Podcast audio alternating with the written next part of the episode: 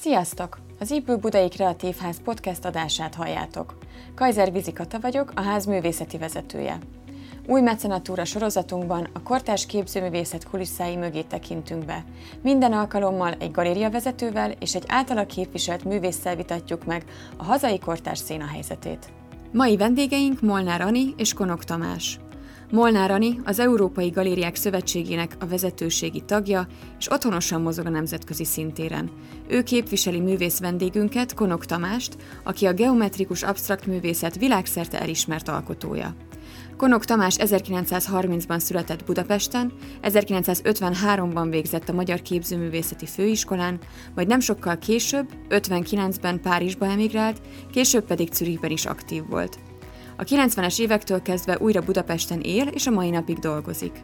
A galériák szerepéről, a nemzetközi beágyazottság fontosságáról, az alkotói pálya nehézségeiről és a gyűjtőkkel való kapcsolatról beszélgettünk velük, valamint arról, honnan lehet tudni, ki a jó kortárs művész és mi adja egy absztrakt mű értékét. Tartsatok velünk!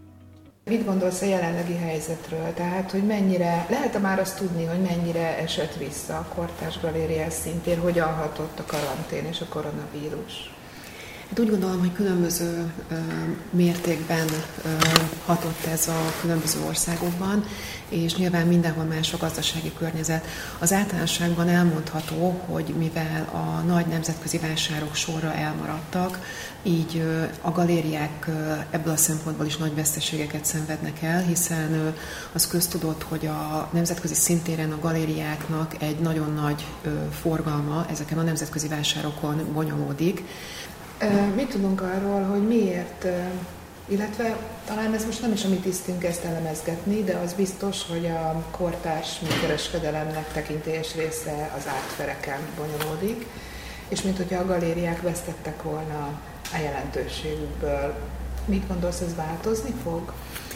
Hát én úgy gondolom, hogy nem csak a galériák, hanem a művészeti vásárok is most egy kicsit vesztettek a pozíciójukból, hiszen a galériák forgalmának több mint a 40%-a ezeken a művészeti vásárokon bonyolódott.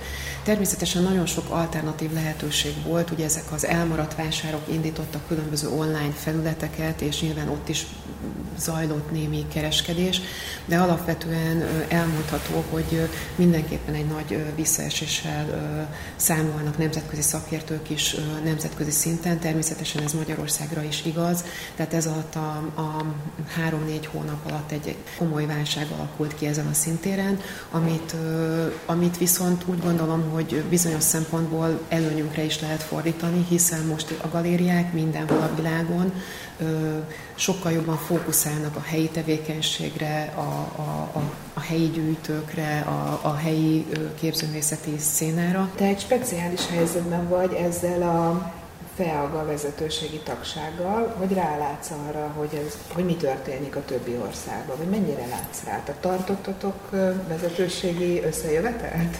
Igen, és online, azt, azt gondolom, hogy ez egy nagyon érdekes helyzet volt, hiszen online tényleg mindenki elérhető volt, Zoom meetingeket tartottunk, többet is, és egy, ez egy jó lehetőség számomra, és hát az egész, úgy gondolom, a magyar szintér számára, hogy ennek a vezetőségnek tagja lehetek, most már másodszorra választottak újra, hiszen első kézből és friss információkat kapok arról, hogy melyik országban hogyan kezelik ezt a válságot, milyen lehetőségek vannak, milyen támogatások vannak, és úgy gondolom, hogy néhány országban nagyon ügyesen ki tudták használni a koronavírus helyzetből adódó lehetőségeket, és itt most példaként Ausztriát szeretném említeni, ahol a, az osztrák galériák szintén régóta lobbiztak azért, hogy csökkenjen a műtárgyak áfája, és most tudták ebben a helyzetben elérni, hogy a korábbi 21%-os áfa helyett most 5%-os lett a műtárgyak áfája.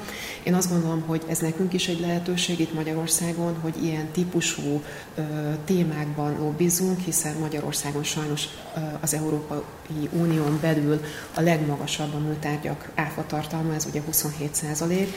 Én úgy gondolom, hogy talán ez egy, ez egy lehetőség, hogy, hogy olyan körökben felismerjék ezt a, ezt a problémát, ahol, ahol ez orvosolni tudják. Tehát nem csak áfacsökkentéssel, hanem esetleg olyan ösztönző programokkal, adókedvezményekkel, amik indirekt módon is segíthetik a galériákat, és ezen keresztül a művészeket és az egész művészeti szinteret. Kicsit tágabb értelemben, amit mondtál, vagy ahogy majd szól, hogy jól értelmezem el, hogy én úgy láttam, olvasgatva a különböző országok reakcióit, hogy kétféle út volt. Valaki a művészeket támogatta, tehát személyesen a művészek kaptak támogatást, és valaki a színteret, a szcénát, a galériás rendszert, a, a teljes kortárs szcénát. És azért ez az összefogás, amit mondasz, ez egy kicsit olyan, mint hogyha azt mondanád, hogy az segít, hogyha, mármint hogy amit az osztrák galériák elértek, mint hogyha azt mondanád, hogy az segít, hogyha a galériás szinteret erősítjük, illetve hogyha összefogás születik egy ilyen válság nyomán. Ez, ez, ezt mondtad, vagy csak én hallottam bele? Hát azt gondolom, hogy ez, ez, amit elmondtál, ez is igaz. Én azt gondolom, hogy az is egy nagyon jó dolog, amikor közvetlenül művészeket segítenek. Ez tulajdonképpen nálunk is megvan különböző pályázati lehetőség adottak a művészeknek, tehát ezek megmaradtak az NK-on és egyéb lehetőségeken keresztül. Tehát például Németországban volt egy olyan helyzet, hogy minden egyes művész alanyi jogon pályázhatott egy bizonyos összegre, de egyébként Ausztriában a galériák olyan támogatást is kaptak, tehát egészen egyszerűen konkrétan több ezer eurót ez egy egyszerű jelentkezési módszerrel bárki megkaphatta, akinek galériája van. Tehát sajnos nálunk ilyen típusú támogatások nem voltak, de amiről én beszéltem, az inkább az volt, hogy, hogy ezt a helyzetet talán ki lehetne használni arra, hogy felhívjuk arra a figyelmet, hogy, hogy a galériák nagyon sokat tesznek ezért a szintérért, én úgy gondolom, és nagyon egyszerű dolgokkal lehetne ösztönözni azt, hogy, hogy többen, több magángyűjtő, több intézmény, több cég vásároljon kortás műtárgyakat, nevezetesen adókedvezményekkel, áfacsökkentéssel és egyéb gazdasági ösztönzőkkel. Most ez ilyen egyszerű kérdésnek tűnik, de nagy mélysége van, hogy miért fontos, hogy a galériás szintén ne essen vissza. Hiszen jön a gazdasági válság, kicsit visszaesik, majd újra felépül. Hát én az egyik legfontosabb dolognak azt tartanám, hogy, hogy nagyon sok mindent értünk el az elmúlt 10-15 évben itt néhány ö, kortás magyar galéria, és, és talán az egyik legfontosabb a nemzetközi jelenlét. Tehát van jó pár olyan galéria, akik rendszeresen részt tudtak venni nemzetközi vásáron, a művészeiket be tudták külföldön mutatni, ö, és, és ez, ez egy nagyon fontos dolog. Na most, hogyha visszaesik ez a szintér, akkor az azt jelenti, hogy, hogy ez a nemzetközi aktivitás fog visszaesni, és én úgy gondolom, hogy ez visszaesik, ezt nagyon-nagyon nehéz itt, itt újra feltornázni magunkat. Tehát én úgy gondolom, hogy a legfontosabb az lenne, hogy ez a nemzetközi jelenlét, már pedig ez újra fog indulni, én bízom benne, hogy jövőre újraindul az élet, ez valahogy fennmaradjon. És ennek a, a, a, a költségeit, ezt valahogy elő kell teremteni. Tehát ugye azt a szakmai körökben sokan tudják, hogy ezek a, ez nemzetközi vásárok, ezek őrült nagy összegekbe kerülnek. Tehát itt a jelenlétet úgy lehet biztosítani, hogy ha, van egy, egy, egy, egy folyamatos bevétel. Na most ezt, ezt nem csak támogatásokból lehet megszerezni, hanem, hanem azáltal, hogyha van egy aktivitás a műtárgypiacon, tehát magángyűjtők, intézmények, cégek vásárolnak, és ezáltal támogatják a szénát. Én egyébként gyakran nevezem a, a gyűjtőimet támogatóknak is, mert valahogy én úgy érzem, hogy ez az már önmagába, ha valaki kortás műtárgyat vásárol, az egyfajta mecenatúra, hiszen az összeg egy részével támogatja a művészt, aki tovább tud dolgozni, meg tudja venni a munkájához szükséges felszereléseket, festéket, ecsetet, bármit, amire szüksége van, és a galériák pedig a működési költségüket tudják ezáltal ö, ö, finanszírozni. Tehát én úgy gondolom, hogy, hogy ezek a, a támogatások is, mert elkezdtem magam rosszul érezni, hogy csak mi beszélgetünk, és vissza is térünk majd a kortárs műkereskedelemre, de hogy mit gondol a mecenatúra fontosságáról a kortárs területén? Tehát ki volt az hát, első mecénás, aki magát támogatta? Vagy volt-e ilyen? Vagy támogatók hát, voltak a vevők? Hogy mondjam, tulajdonképpen egy művész karrierje előbbre jutása egyik alapvető feltétele, hogy egy olyan galériát találjon, akinek a tulajdonosa kedveli az embernek a munkáját. Hát ez alapvető kérdés. Vagyis akivel az együttműködés valóban egy közös kollaboráció. Így tud csak megjelenni a művész a galérián keresztül a nemzetközi piacon. Az nemzetközit mondok, mert ez nem országhatárokhoz kötött. Vannak ilyen intézmények is. Hát én azt hiszem, egy fősőbb kategóriához tartozik az a galéria, amelyiknek valóban nemzetközi kapcsolatai vannak, nemzetközi vásárok, kiállítások, más galériákkal való együttműködésnek a lehetőségeit ugye meg tudta teremteni. Évtizedeket élt Franciaországban, de amikor emigrált, vagy kiköltözött, nem is tudom milyen szót használják, mi a helyes kifejezését, akkor gondolom a saját bőrén tapasztalta meg nem, a, galériás, a galériásokkal való együttműködés, meg ezt a galériás rendszert, amit mi most itt az Anival az elmúlt húsz évben tanultuk, hogy hogyan áll össze. Ki volt az első galériás, hogy hogyan kereste meg az első galériása akkor? Hát én az első utamon, amikor kint voltam, hát tulajdonképpen egy ilyen, ilyen tájékozódás volt, és szájtáti bámulás, hogy mi van ott, hát akkor még nem volt ez a ö, egység. Hát itt Hányban volt ez? Volt. Ez volt 58-ban. Hát elképzelhető. Na szóval én így jutottam ki Párizsba először. És a véletlen összehozott egy neves gyűjtővel naív módon mappákkal mentem a galériába. Hát az, azzal jár, hogy kirúgják az ember kapásból. De hát honnan de tudta volna ezt amikor, De mégiscsak, amikor szedtem össze a dolgokat, oda lépett egy úr, és mondta, hogy örömmel látni, hogyha felkeresném másnap. És másnap délután megjelentem egy gyönyörű nagy lakásban lakott az Ilszendovinak kis kis szigeten. Hogy hívták? Monsieur Labulai. Rengeteg képe volt. Brak, Picasso, főleg Brakkal volt jó barátságban. És alig telt pár perc, és megjelent egy idősebb úr. Együtt töltöttünk egy időt, tőlem rögtön vett három képet.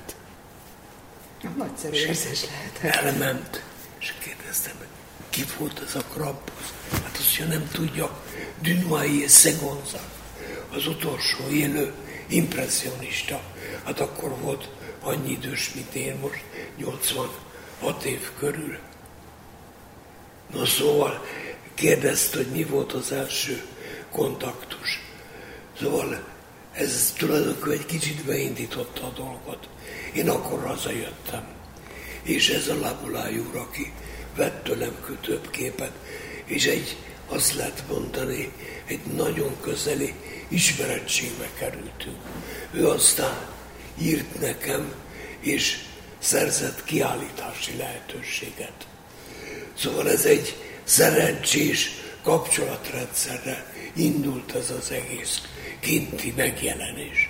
Én aztán másodszor kimentem Párizsba 60-ban, 59 végén megvolt a kiállítás és a kiállítás révén kaptam Washingtonba egy másik galériától meghívást.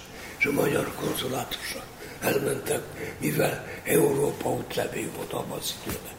Azzal nem lehetett Európán kívül utazni. És kértem egy meghosszabbítást, vagy lehetőséget, hogy, hogy mehessek. Na, hát nagy örömmel fogadtak hogy végre valaki, akinek kapcsolata indult itt meg mi. Na szóval ez megtörtént, kaptam három hónap hosszabbítást, és indokolatlanul behívtak a konzulátusra, elkértek az útvonalat, mindegyikre beütötték, hogy érvénytelen, menjek. Mi ez miután megkaptam az engedélyt, önök támogattak, és akkor elkezdtem a nemzetközi helyzet rosszabbodása, meg. Hát tudtam, hogy ez információt kért itthonról, és valószínűleg ez egy elutasító, hogy mondjam, választ kapott. Na szóval ez elég volt ahhoz, hogy egy átviraszott éjszaka után eldöntsem, hogy mi lesz. Hazajövök, én többet mindenki nem kerülök, akkor, ugye? Vagy kimaradok, és hát elkallódom, ez a két út volt előttem. Na hát szóval végül is a kinmaradás mellett döntöttem, és hát szóval így alakult, hogy 60-ba akkor, akkor én végleg kimaradtam. És nem kallódott el? Mert ugye azt mondta az hát, előbb, hogy... Minden elkövetett a sors, a kallódás útmutatására, de sikerült meghúzni.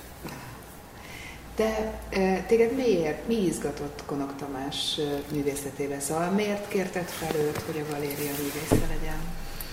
Hát amikor elindult a galéria, akkor inkább egy konceptuálisabb, egy fiatalabb művész programmal indultam, és nyilván, ahogy, ahogy változnak az évek, én is egy kicsit, hogy mondjam, szélesebb műfajok felé nyitottam, és, és úgy éreztem, hogy nagyon hiányzik a galériából, hiányoznak geometrikus művészek. Ez körülbelül, hát ez egy jó pár éve volt, amikor először felvettem a Tamással a kapcsolatot, aztán végül is több időbe telt, mire Igen. végül elkezdtünk együttműködni. Nekem nagyon, hát természetesen a, a, én őt a, a korosztályának az egyik legjelentősebb geometrikus absztrakt művészének tartom.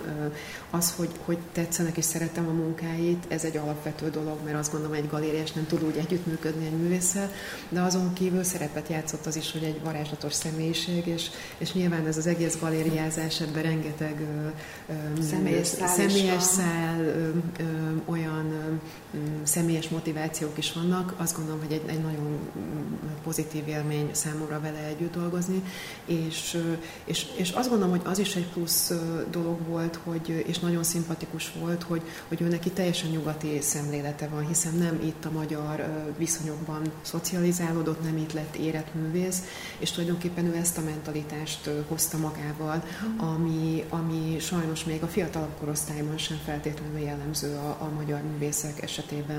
És úgy gondolom, hogy, hogy ezek mind mm, alapvetően szerepet játszottak. De hát természetesen nagyon sok mindent lehetne róla elmesélni, nagyon jelentős gyűjteményekben szerepelnek művei Magyarországon, külföldön, tehát egy olyan referenciával rendelkezik, ami, amiről én úgy gondoltam, hogy ezzel, ezzel tovább kell dolgozni, és egy magasabb ö, ö, szintre emelni. Hát biztos nehéz kiemelni egyet, de hogy melyik ö, intézményi vásárlásra, vagy melyik gyűjteményre a legbüszkébb, vagy melyiket tudná kiemelni nekünk, aminek nagyon örül, hogy abban a gyűjteményben szerepel munkája? Hát volt nagyon sok gyűjtő, ugyanis én 1959 óta Párizsba élek még mai napig is, megvan a lakás. Szóval az első magyarországi itt létem az azután történt, amikor megkaptam a francia állampolgárságot. Hogy addig... Ez hányban volt? Ez volt 70-ben. Akkor minden évben egyszer jöttem pár napra, családlátogatás, ilyesmi, de szakmai kapcsolatom semmi nem volt. Uh-huh. És ez tulajdonképpen egy családi látogatások voltak, ezek hazajövetelek. Óriási változott a helyzet, hogy amikor megszűnt ez a ketté szakadása a világnak, és itt is beindult valahol az egész modern és kortárs művészet. Nekem egy borzasztó szerencsém volt, hogy megismertem Annit, aki nem csak szakmai módon, de emberileg is tényleg egy kitűnő, kitűnő öröm a vele való együttlét, és ami roppant fontos. Mert... Mennyi időt tölt most Párizsban? Szóval hogyan osztja meg az idejét Párizs és Budapest között? Hát az utolsó másfél évben nagyon keveset voltam. Lábam nagyon nem jó állapotban van sajnos. De hát a lakás megvan, azért megyek minden évben. És és követi, hogy ott mi történik a művészeti életben igen, Franciaországban? Szóval ott van Párizsban nem a központ. Uh-huh. Régen. Most Berlin, London, New York sokkal fontosabb.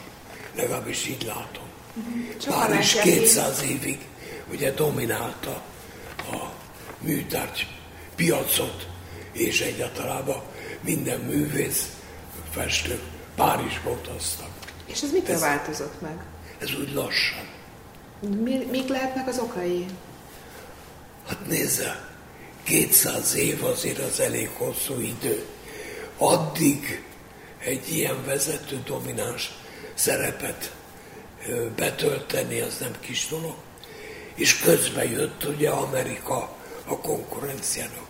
Majd a második világháború után, de már előtte is Berlin.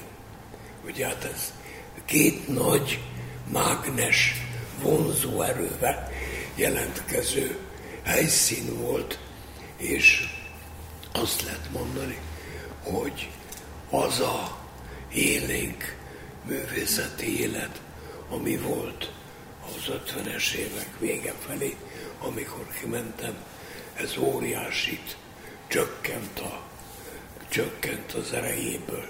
Ugyanis úgy anyagilag, gazdaságilag, gyűjtők szempontjából, hát Amerika, ami dominálja egy kicsit a, kicsit a kortárs művészetet, és Németország. De 60-as, 70-es években, amikor a maga pályája felfelé ívelt, akkor azért még Párizs ö, jelentős központ Persze, volt. hogyne. De ez utána egyre inkább ö, Berlinbe New Yorkba helyeződött. Hadd kérdezek arról, hogy miért pont a geometrikus absztrakt lett a műfaj? Tudom, hogy ez egy kicsit árnyaltabb, de hogy azért összefoglalóan a művészetét belefoglalhatjuk a geometrikus absztrakt műfajába. Miért ez? Az absztrakt művészetről beszélünk. Van egy úgynevezett szabad lírai abstrakció, ami, mit mondjak, például mennyire ismerős George Mathieu, ugye, aki a festéket rá lövelli a vászonra teljesen egy ilyen felszabadult ö, csapkodás magyarul, nagyon szépen csinálja. Azonban a, én, én keresem a dolognak a szerkezetét, ugye a konstrukciót, ami szinte azt lehet mondani, a csontváz, amire épülnek a dolgok.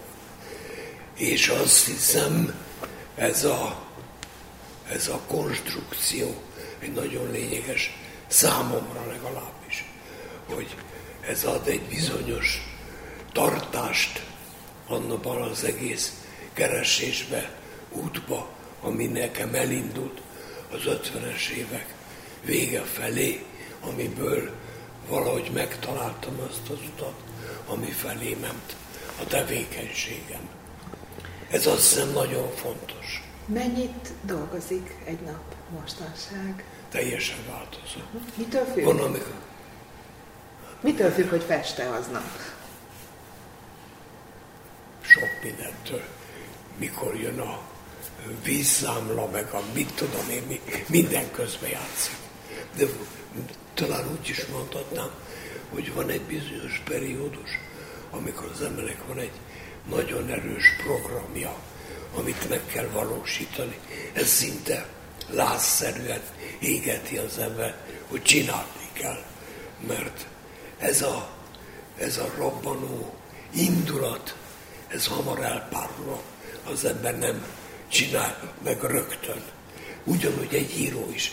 Sokszor a villamosba egy kis papírra feljegyzi azt a néhány gondolatot, amire épül esetleg egy elbeszélés novella, regény egy-egy dolog, mert ezek a, ezek a kegyelmi pillanatok, amikor van egy ilyen ihletett állapot, ez elpárolog pillanatok alatt.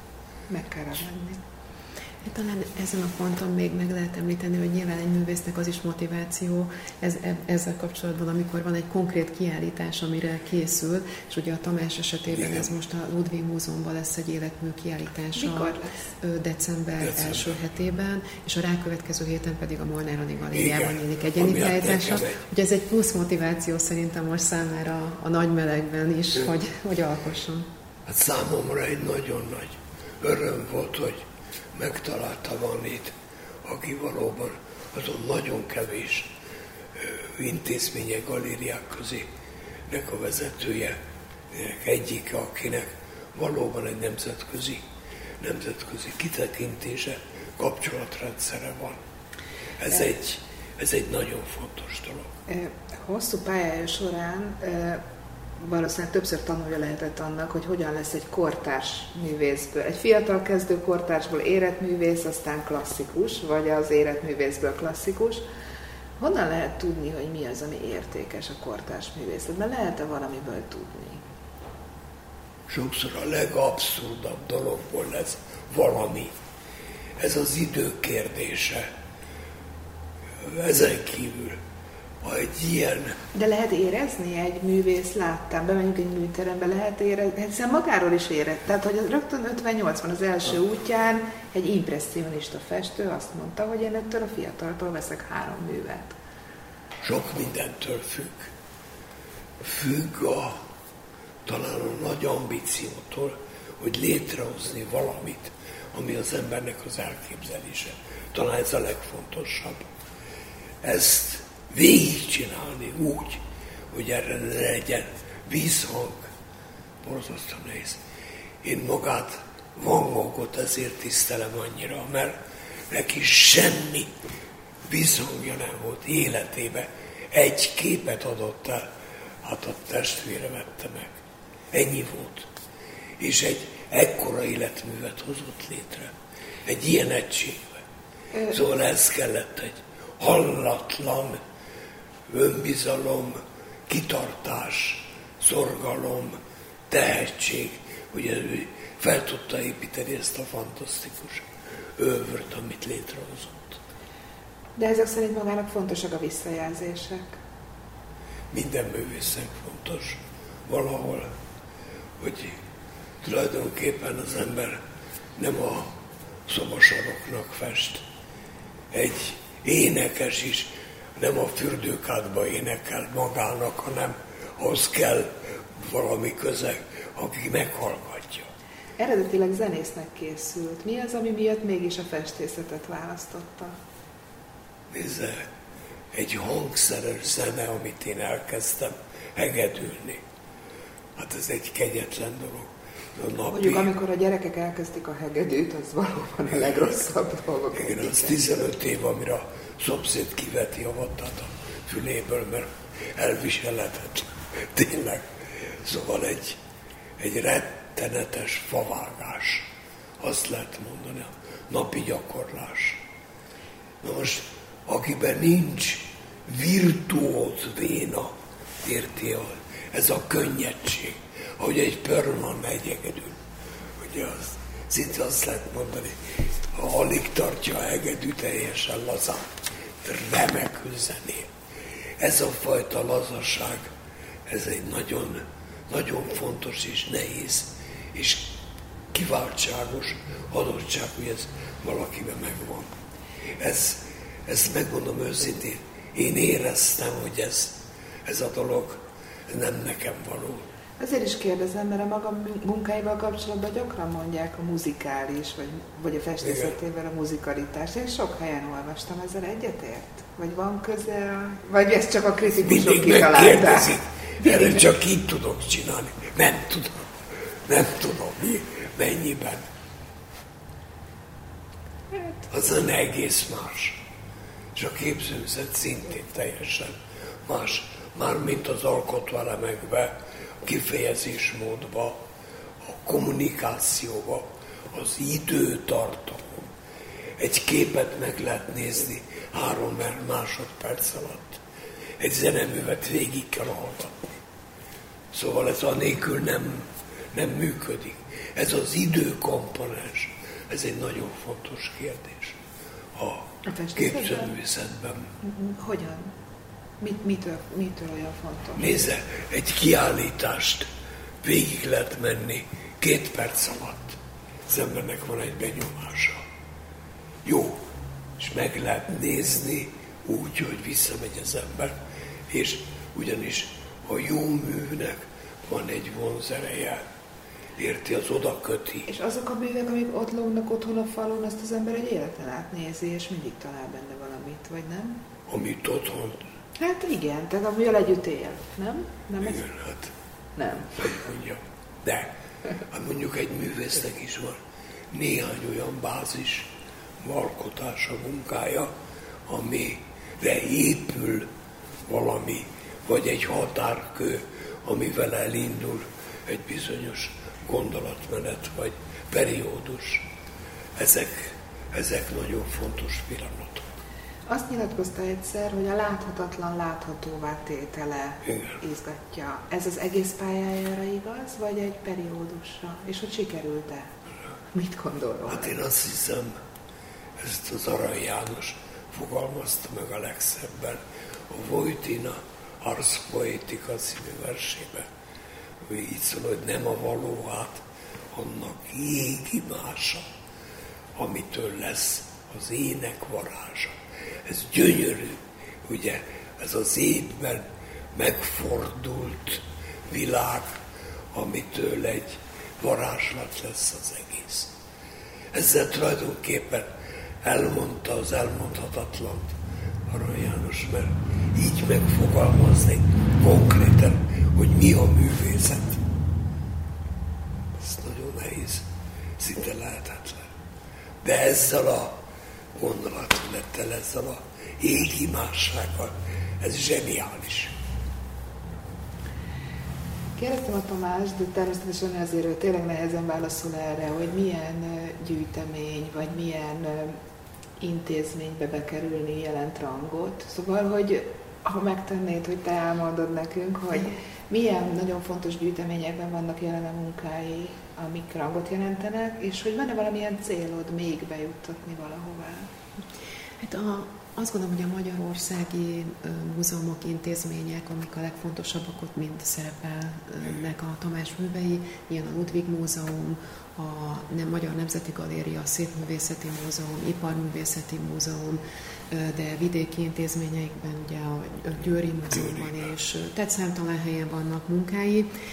Nemzetközi szintéről, szintéren is sok helyen szerepelnek művek, amit talán így kiemelnék, az a Berni Bozár Múzeum, vagy a Párizsi Biblioték National, a hollandiai Stedelik Múzeum, egy nagyon-nagyon rangos intézmény. Több kiállítása volt, és ennek a révén vásároltak tőlem több képet múzeumok. Hát ezek mind-mind nagyon rangos intézmények, és hát nyilván, amikor azt kérdezed, hogy mi a cél, meg hova szeretnél Igen, ezt egy hogy ilyenkor van te, valami vágy. Igen, cél. hát a vágy mindig természetesen a legmagasabb, hogy a, a, leg, a világ legrangosabb gyűjteményeibe kerüljenek be. Ugye három ilyen jut mindenkinek eszébe, így első körben a, a párizsi Pompidou, a londoni Tate Modern, a New Yorki MoMA, de azért azt, azt, azt nyilván meg kell említeni, hogy nagyon nehéz ezekbe a gyűjteményekbe bekerülni, és számos nagyon rangos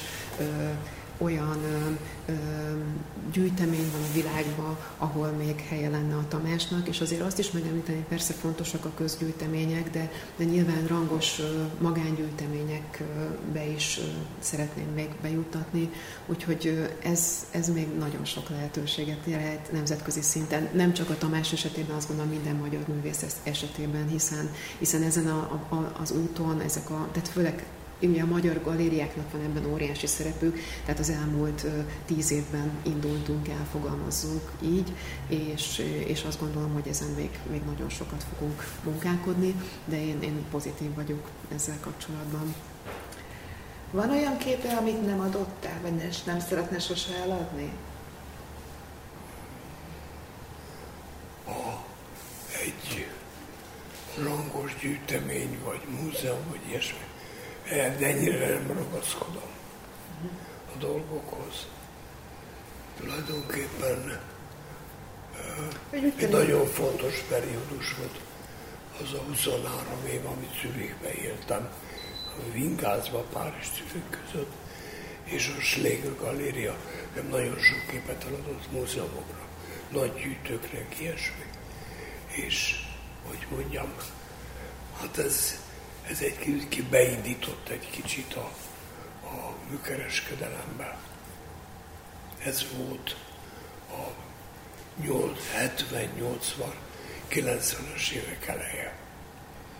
És talán azt is említsük meg, hogy ez a galéria ö, rendszeresen szerepelt a, a Bázeli.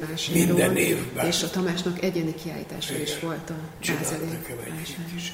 Hát egy nagyon jó műkereskedő volt, óriási gyűjteménye volt, és remekül tudta vezetni a galériát egy szerencsétlen bicikli kiánduláson. Elcsúszott és meghalt.